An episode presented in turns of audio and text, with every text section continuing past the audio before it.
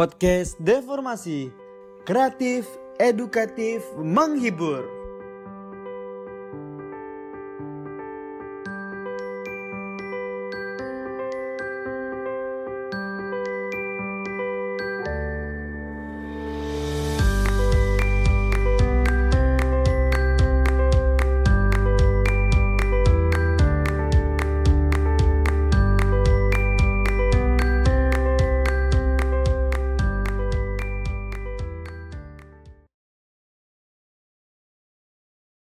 Halo Sobat Solid, apa kabar nih? Balik lagi nih sama podcast Deformasi MTM ITB.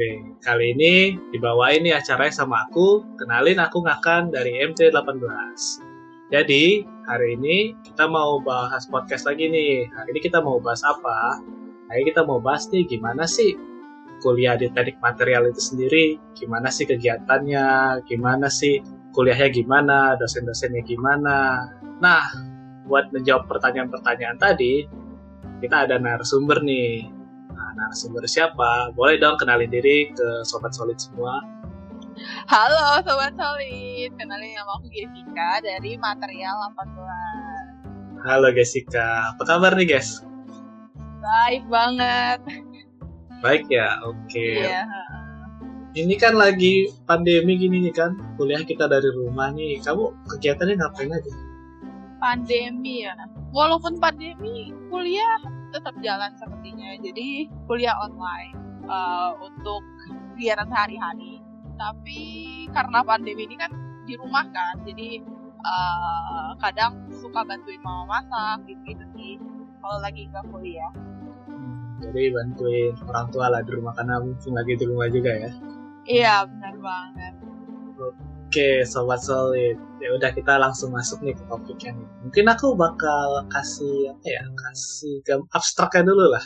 Jadi Oh, kan boleh boleh. boleh ya abstraknya dulu. Jadi kan teknik material tuh ya lumayan jarang ya didengar ya. Kayak orang tuh jarang gitu dengar teknik material kayak aku setiap ngenalin teknik material ke kayak orang gitu kayak mereka selalu bertanya balik gitu apa apa tadi material apa material tuh apa terus aku kayak uh, repot gitu kejelasinnya kan. Nah, buat Jessica sendiri nih, tahu teknik material tuh dari mana gitu? Kalau aku sendiri sih, aku tahu waktu SMA kelas 2 kalau nggak salah. Waktu itu aku dikenalin sama kakak aku kan. Coba masuk ini deh. Nah, kalau Jessica tahu teknik material dari mana? Oh, sama sama sih kayak umumnya kayak orang biasa. Aku tuh awalnya nggak tahu teknik material sama sekali. Kayak aku nggak tahu bahkan ada teknik material di dunia ini gitu. Terus uh, waktu aku SMA kelas 3, waktu aku lagi bingung banget mau milih jurusan segala macem, kakak kelas aku yang dia di teknik material juga, dia tuh sempat datang ke sekolah aku. Terus kayak dia menawarin ke aku gitu, guys, uh, kan kamu suka kimia nih, terus kamu nggak mau, terus kamu pengen kayak ada medis-medisnya gitu atau pokoknya yang kimia-kimia tapi nggak terlalu fisika. Nah kalau mau ada nih namanya teknik material. Gue uh, dia kayak bilang kayak gue ngambil teknik material ini belajar ini ini ini gitu. Jadi kayak beneran di di diajarin gitu kayak dikenalin lah dikenalin sama si kakak kelas ini Hmm, jadi karena dikenalin dari cutting ya. Berarti cutting itu anak material juga di sini. iya benar dia anak material tapi bukan ITB Anak material tapi bukan ITB. iya anak material tapi bukan ITB Anak anak kuliah mana dong berarti itu universitas mana? Ah, waktu itu yang lagi dateng sih di universitas luar sih di UCL kalau nggak salah. Oh, dari luar negeri ya. Mhm, benar. Hmm, nah jadi penasaran kan gitu. Alasan, jadi kan udah dikasih tahu sama cutting nih. Tadi alasannya udah dikasih tahu juga ya karena kamu tertarik kayak yang bukan fisika, lebih ke kimia dan ada medis-medisnya gitu ya. Iya benar banget. Hmm, jadi itu alasan kamu masuk ke material. Kalau aku sendiri sih alasannya kenapa ya? Karena benar sih aku awalnya kayak nggak mau yang terkait sama elektronik makanya aku nggak mau masuk stay gitu. Pengen pengen in- nggak suka coding juga gitu jadi aku pengen yang industri tapi pengen kepake di segala tempat makanya aku masuk ke material Uh, Gitu. Nah, mantap. sekarang nih kan kamu udah dikasih tahu nih sama Katin jauh kan. Kan Mhm. kamu dari material tuh bagus lah dia cocok sama kamu. Nah, terus kamu milih ITB berarti kan? Iya benar. Nah itu kamu bisa masuk ITB ke teknik material tuh jalur masuknya gimana? Bisa ceritain? Nah, nggak? jadi aku cerita lagi ya. Jadi tuh setelah kayak aku tertarik sama teknik material, aku cari-cari dulu di internet segala macam. Aku tuh datang ke guru BK. Soalnya kan di sekolah aku tuh kalau untuk eh, tanya-tanya masalah kuliah tuh boleh banget ke guru BK kan. Jadi aku ke guru BK tanyain kayak eh, ada rekomendasi gitu enggak setelah dengar-dengar dari Kating dan akhirnya aku search-search gitu kan tentang teknik material dan eh, kayaknya tertarik. Nah, jadi kayak aku udah udah menetapkan diri aku lah pengen teknik material. Nah, habis itu aku datang ke guru BK nanyain gitu. Soalnya di guru BK sekolah aku tuh boleh emang tepat untuk nanya-tanyain masalah kuliah gitu boleh. Nah, jadi aku tanyain ke guru BK aku, terus dia bilang, eh ini SNMPTN lagi dibuka, mungkin bisa dicoba, kayak kan gak ada ruginya gitu. Terus di ITB itu ada teknik material juga, dan itu tuh bagus, dan akhirnya aku dengerin, dan setelah rekomendasi dari guru BK aku, akhirnya aku daftar, daftar di ITB di teknik material. Nah, tapi ini ada ada sedikit kejadian bodoh, jadi aku nggak tahu kalau teknik material tuh bisa peminatan dan aku daftar-daftar aja jadi kayak aku jadi aku padahal aku pengen teknik material tapi aku nggak daftar peminatan. Jadi aku keterima di regular gitu. Untung keterima gitu. Oke. Jadi tuh buat kalian yang belum tahu, buat masuk teknik material tuh kita lewat jalur dari ujian bersama gitu kayak yang dari SBMPTN, SNMPTN, dan sekarang ITB juga udah buka SBM dan ada jalur peminatan juga. Dan ada juga kayak jalur afirmasi. Afirmasi itu buat kalian yang di daerah-daerah yang terpelosok biasa itu ada kesempatan khusus buat lewat jalur afirmasi kayak sebagai kalau dulu tuh disebutnya kalau nggak salah tuh kayak putra daerah gitu. Jadi kayak setiap daerah tuh harus ada kuota tertentu gitu. Nah kalau aku sendiri sih ya aku sama kayak guys. Aku tuh tahu ada aku tuh kasus yang tahu ada peminatan tapi ya aku kalah sama seseorang yang peminatan juga di daerahku yang sama gitu. Jadi aku juga lewat jalur reguler. Buat kalian yang mau masuk teknik material juga tuh kita ada kayak lewat jalur undangan tuh kayak SNMPTN bisa jalur tes tuh SBMPTN dan jalur tes mandiri dari ITB itu namanya UM dan ada program peminatan. Program peminatan tuh apa? Program peminatan tuh kayak kalau kalian udah pengen banget masuk teknik material waktu kalian milih fakultas ITMD itu kalian bakal langsung masuk teknik material. Dan kabarnya sih kalau kalian pilih jalur peminatan persentase lulus kalian tuh lebih tinggi. Katanya sih begitu. Iya bener banget. Jadi kemarin tuh agak ya agak nekat sih nggak nggak daftar peminatan kayak karena nggak tahu kan. Akhirnya ikut SBMPTN ya guys Mhm. eh enggak enggak enggak aku Eh? tetap daftar SNM keterimanya untung aja keterima di regular gitu. oh untung itu terima Ya, oh jadi SNM buat eh, buat teman-teman mungkin karena sekarang udah dikasih tahu nih ya peminatan kan kan kan. Jadi kayak eh, mungkin bisa dicari-cari tahu kali ya iya kalau ya udah boleh dicoba gitu. Kayak kalau ada kesempatan dan kalian memang pengen banget ya material langsung dicoba. Oke nih guys kamu kan udah dapet nih kan udah lulus SNMPTN kan? Udah dapet Mhm. pengumuman Jessica Aurel Koman selamat anda diterima di Fakultas Ribada uh, Mesin dan Dirgantara kan? Asik. Terus kan mau ma- udah pembina udah mau pengen material banget kan? Awalnya nih ekspektasi kamu masuk teknik material tuh gimana? Boleh ceritain aja? Eh, Oke, jadi sebenarnya aku tuh ekspektasi eh, masuk material tuh beda banget sama apa yang lagi di nggak banget sih kayak beda aja sama apa yang aku pelajari karena di sini. Aku mikirnya karena eh, cutting aku yang yang ngerekomendasiin aku itu tentang teknik material tuh dia lebih ke material science-nya.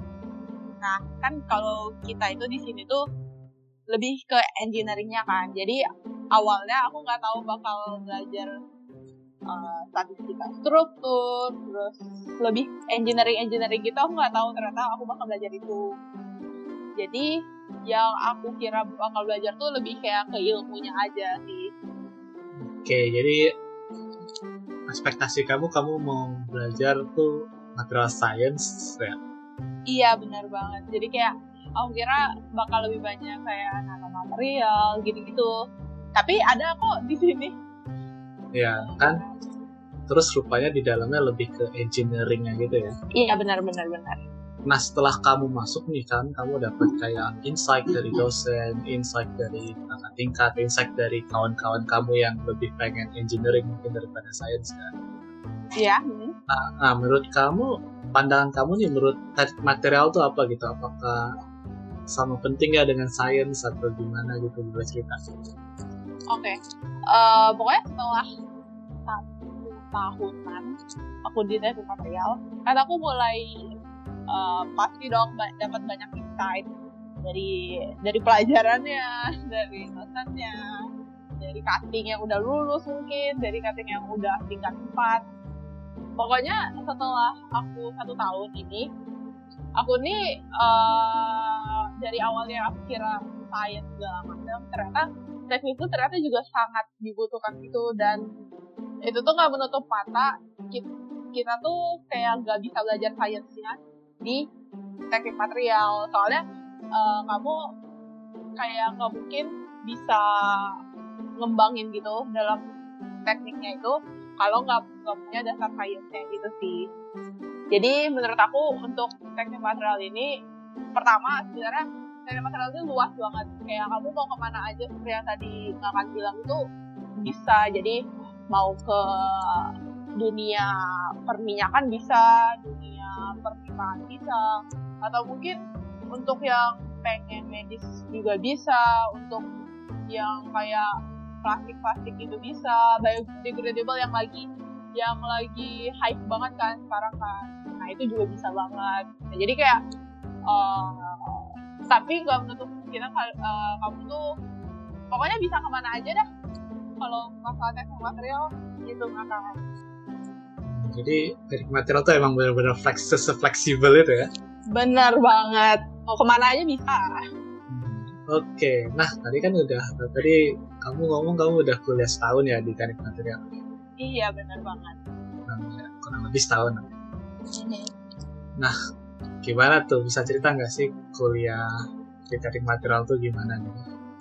Jadi kuliah di teknik material itu uh, kalau mungkin untuk gambaran kasarnya itu kamu bakal dapat empat main dari material itu.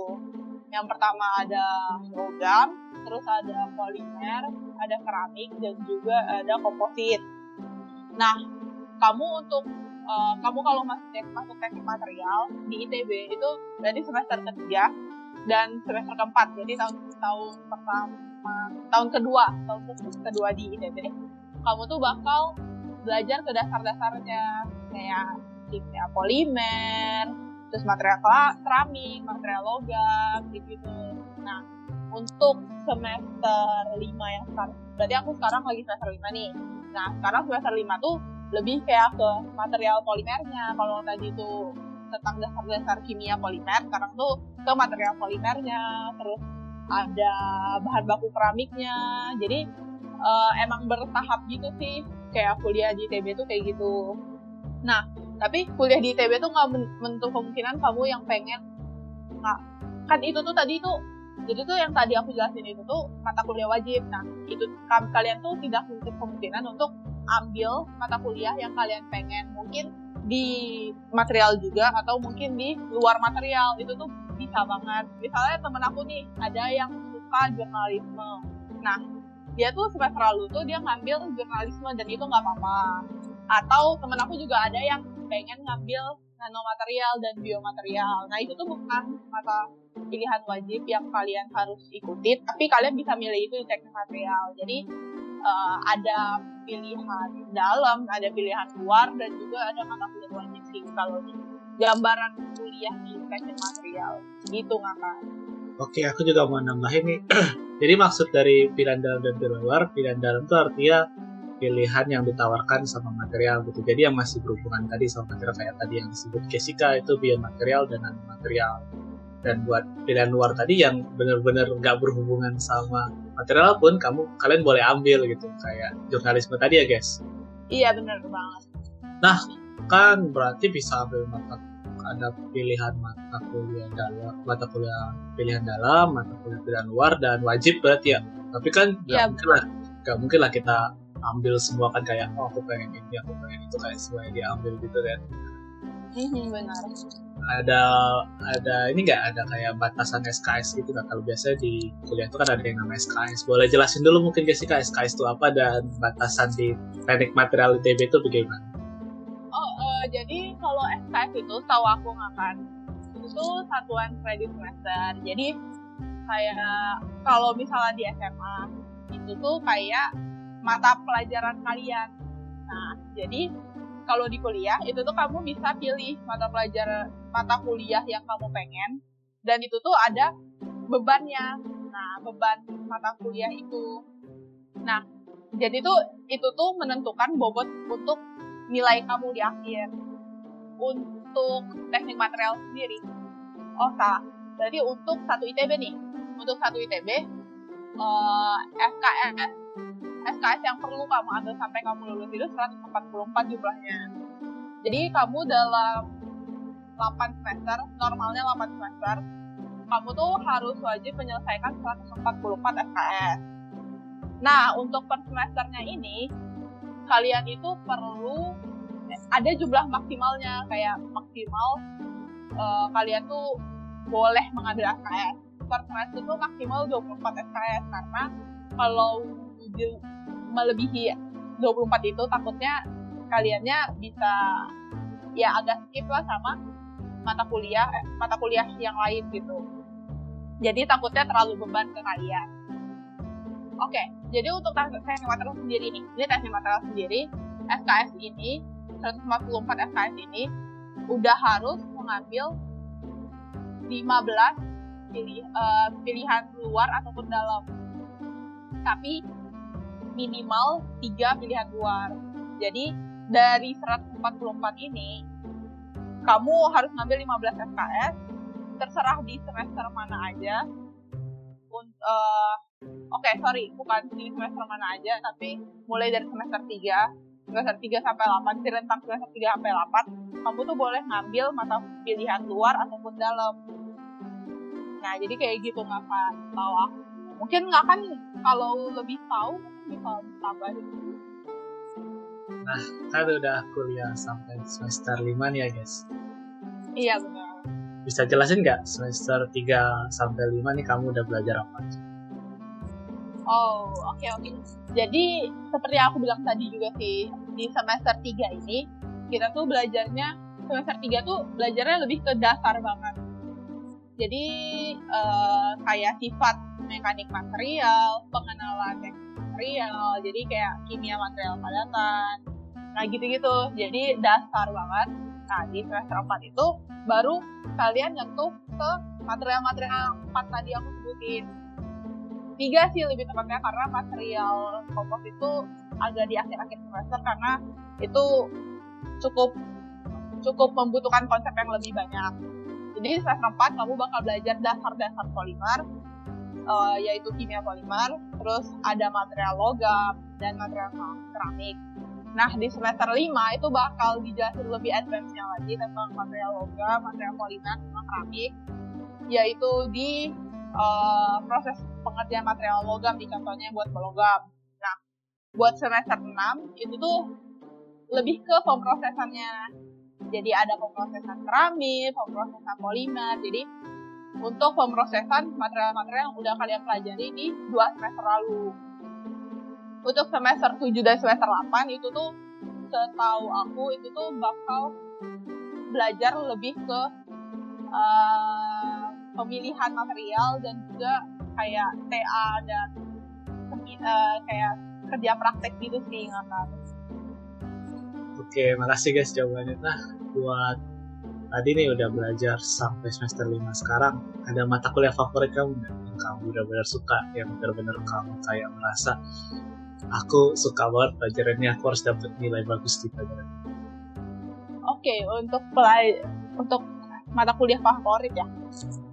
Jadi sebenarnya kan uh, aku suka kayak sharing di awal juga kalau aku tuh di SMA tuh suka kimia nggak suka kayak terlalu kayak gitu Nah, waktu SMA itu aku tertarik sama kimia organik dan di sini menurut aku yang cocok ke passion aku di kimia organik itu adalah kimia polimer. Nah, jadi mata dan juga di kimia polimer tuh selain kayak matkulnya menarik menurut aku, dosennya juga menjelaskannya dengan sangat rinci dan sangat mudah dipahami gitu jadi makanya mungkin untuk sekarang karena kan masih ada beberapa semester lagi kan. Jadi untuk sekarang mungkin mata kuliah favorit aku tuh masih kimia polimer gitu sih kan kimia polimer. Jadi kamu lebih ke polimer ya? Suka polimer ya iya sepertinya. Oke jadi buat yang belum tahu polimer tuh produk-produk yang sering kita lihat polimer itu kayak plastik sih. Jadi plastik itu kan hampir kita pakai di apa ya semua produk hampir ada plastik deh kayak dari botol botol tupperware kayak botol aqua cup gitu kan atau banyak lah pokoknya plastik itu dipakai di mana-mana. Bahkan kantong kresek itu yang sering kita lihat kan itu juga plastik. Nah jadi ilmu material tuh benar-benar luas banget jadi bisa aplikasinya banyak. Nah tadi kan kamu guys nyinggung soal dosen yang ngajarnya asik nih tadi kata si dosen material polimer tadi. Nah, iya benar banget. Secara boleh dijelasin nggak dosen-dosen di material itu gimana gitu atau mulai mungkin dari cara ngajar dan mungkin apa ya kayak kebiasaan dosennya atau ada dosen-dosen yang menurut kamu tuh keren banget gitu karena dia kayak dosen kan selain ngajar kan mereka juga sering melakukan riset ada nggak dosen-dosen iya benar-benar prestasinya tuh bagus gitu Oke, okay, jadi untuk dosen di teknik material ya. Sebenarnya dosen teknik material tuh lumayan beragam ya. Ada yang ada yang enak banget jelasinnya kayak bersemangat sekali. Ada yang karena terlalu advance ilmu dia jadi kayak kadang agak susah dipahami gitu. Menurut aku pribadi ya, disclaimer ini menurut aku pribadi. Nah, uh, ini perlu disebutin namanya nggak kan? Boleh boleh. Oke okay, oke. Okay. Jadi yang pertama yang yang aku bilang dulu deh tadi yang uh, kimia polimer, yang polimer. Nah itu ada namanya Bumar, Bumar Diati. Nah uh, Bumar ini kaprodi juga nih sekarang di teknik material. Dia tuh orangnya kalau ngajar tuh sangat bersemangat dan sangat mudah dipahami bahasanya dia kadang juga pakai lu gua gitu jadi ya sangat friendly lah kalau ngajar. Dan uh, Bu Marin itu hebat banget tau sebenarnya kan kayak dia tuh per, uh, sekarang itu lagi ngembangin sama sama dosen juga dosen yang lagi S3 sekarang di bawah bimbingannya Bu Mar nih uh, dia mereka berdua tuh sedang ngembangin produk yang mungkin kalian sudah dengar di podcast sebelumnya tapi aku nggak tahu sih uh, produk namanya rompi anti peluru tapi dari dari bahan alam. Iya bukan makan. Hmm rompi anti peluru tapi dari bahan alam. Tuh iya gimana, benar. Gimana caranya? Nah untuk detailnya kalian mungkin bisa pelajari nanti waktu udah di teknik material sih. Hmm, benar. Nah, jadi Bumar tuh prestasinya banyak banget, apalagi di dunia perpolimeran. Nah, uh, selanjutnya itu mungkin dosen dosen logam kali, eh dosen ya dosen logam mungkin. Nah, dosen logam ini yang aku udah pernah dapat ini mat, uh, material logam itu tuh namanya Pauca. Nah, Pauca ini itu tuh dia aku dengar nih ya katanya dia tuh banyak proyek gitu. Terus katanya uh, proyek dia tuh bahkan bisa satu proyek dia tuh bisa beli mobil gitu. Ada satu proyek dia yang bisa sampai dia beli mobil gitu. Tapi untuk detailnya aku nggak tahu soalnya ini kayak gosip sih. Nah jadi untuk detailnya mungkin nanti kalian bisa mengenal sendiri ya kalau sudah masuk. Oke selanjutnya mungkin untuk dosen komposit kali ya untuk dosen komposit ini sebenarnya aku belum dapat. Cuman dosen ini tuh pernah ngajarin aku di di mata kuliah sebelumnya. Mata kuliah mekanika material. Nah dosen ini tuh uh, namanya Pak Hermawan. Atau biasa sering dipanggil Pak Haji. Nah, Pak Haji ini dia adalah uh, kayak salah satu master of composite di Indonesia. Jadi kayak kalau misalnya ada proyek-proyek tentang komposit, pasti bapak inilah yang sering banget sering banget dicari gitu. Nah, jadi emang bapak ini sangat terkenal atas kompositannya kompositor. Oke, okay. mungkin itu aja sih yang bisa aku jabarin sekarang. Untuk sisanya mungkin nanti kalian bisa dapat sendiri ya setelah di teknik material atau mungkin nanya-nanya kakak tingkat sih. Oke, makasih guys. Jadi dosen-dosen TB itu luar biasa ya. Selain iya, mereka, luar biasa sebenarnya. Selain mereka ngajarnya bagus gitu dan mereka tuh kalau bisa dibilang ya karena teknik material kan tuh cuma sedikit kan dan lagi iya, kita betul. dan lagi kita tuh ITB gitu jadi kayak apa ya kayak pionir-pionir tentang engineeringnya material tuh pasti master-masternya tuh ada di ITB gitu makanya iya, dosen bener banget.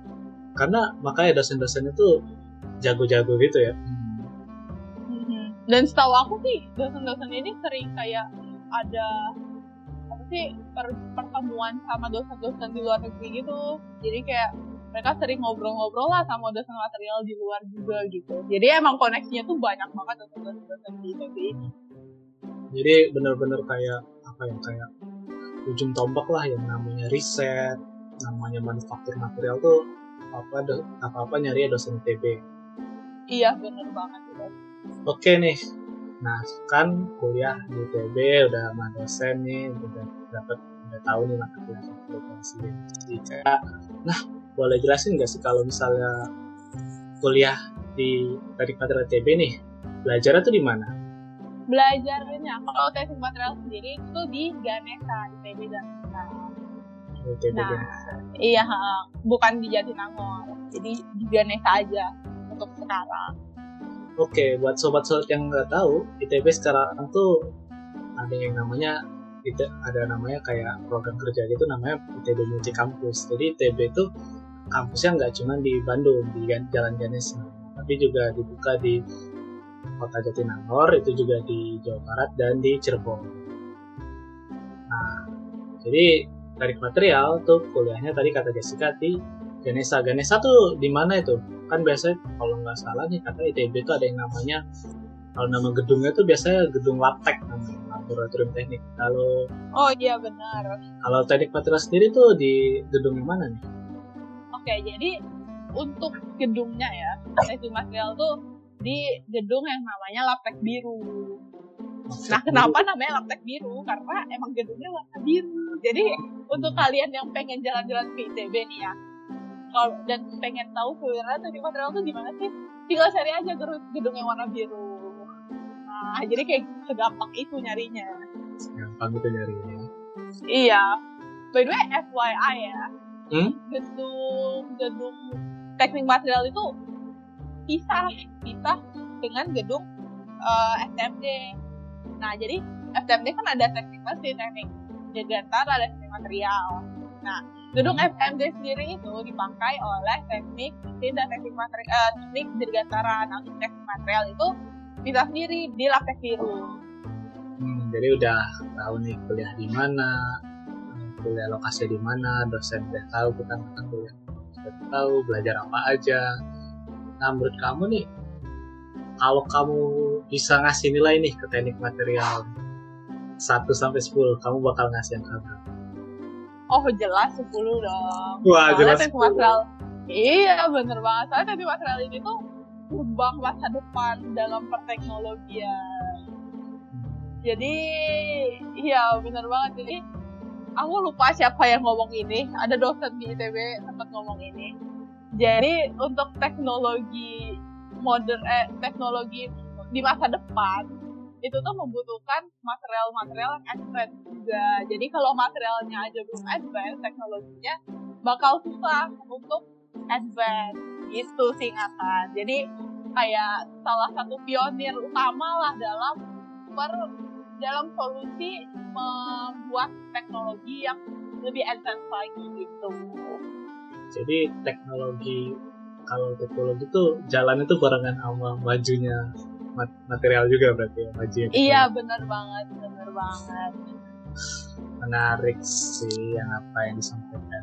Guys dari tadi ya kayak menarik banget guys kayak dari material tuh udah tadi yang kayak apa ya kayak insight yang dikasih tahu dari material tuh se fleksibel gitu dan fleksibel apa dan bagaimana dia tuh sebagai teknologi tuh gak bakal maju kalau materialnya belum maju. Jadi apa yang disampaikan Jess tadi sangat menarik sih. Dan udah sangat jelas sekali ya kayak dia udah ngasih tahu juga gimana gimana kuliahnya, belajar apa aja, dosennya gimana dan belajar di mana gitu kan. Jadi di bagian mananya gitu. Nah, terima kasih guys. Ada closing statement nggak dari kamu nih buat sobat-sobat solid nih yang siapa tahu karena kamu ngomong tadi tuh kayak ngasih tahu hal-hal baru soal material jadi tertarik nih oh. material. Oke okay, oke. Okay. Nah terakhir nih ya sebelum kita selesai berarti aku aku meninggalkan ini berarti jadi buat sobat solid yang penasaran lebih jauh nih tentang teknik material itu tuh bisa banget di search di website PB ataupun di Instagram juga sebenarnya udah banyak sih tinggal cari aja teknik material gitu Oke, okay, berarti untuk sobat solid yang mungkin nanti bakal masuk ke teknik material, uh, semoga bisa enjoy di teknik material dan selalu banggalah dengan teknik material ini gitu. Oke, terima kasih guys closing statementnya ya. Nah, jadi kata Jessica tadi kan ada ada kontennya tuh di Instagram tentang teknik material. Nah, kebetulan kan based on informasi ini selain podcast, mereka juga ngasih semacam konten biar pikiran kalian terbuka nih tentang material. Jadi, ada yang namanya Cim ITB, ada YouTube juga. Nah, itu tuh dibawain sama BSO Deformasi MTM ITB. Jadi jangan lupa buat follow juga Instagram kita Cim ITB dan BSO Deformasi MTM ITB. Nah, terima kasih nih Jessica udah nyempatin waktunya buat ngasih hal-hal baru nih ke sobat-sobat solid semua. Nah, sekarang nih Makasih juga. Sama-sama Jessica. Nah, jadi buat sobat-sobat solid semua, terima kasih udah mendengarkan podcast ini. Sampai jumpa di podcast lain. Bye-bye. Halo Sobat Solid, kenalin aku Anissa, General Sekretari dari Badan Semi Otonom Deformasi MTM ITB. Terima kasih sudah mendengarkan podcast Deformasi. Sebelum ditutup, jangan lupa untuk follow Instagram kita di @deformasi.mtm dan follow Instagram team @cimITB. Jangan lupa juga untuk subscribe channel YouTube kita di Deformasi MTM ITB. Sampai di sini dulu, dengerin dan pantengin terus podcast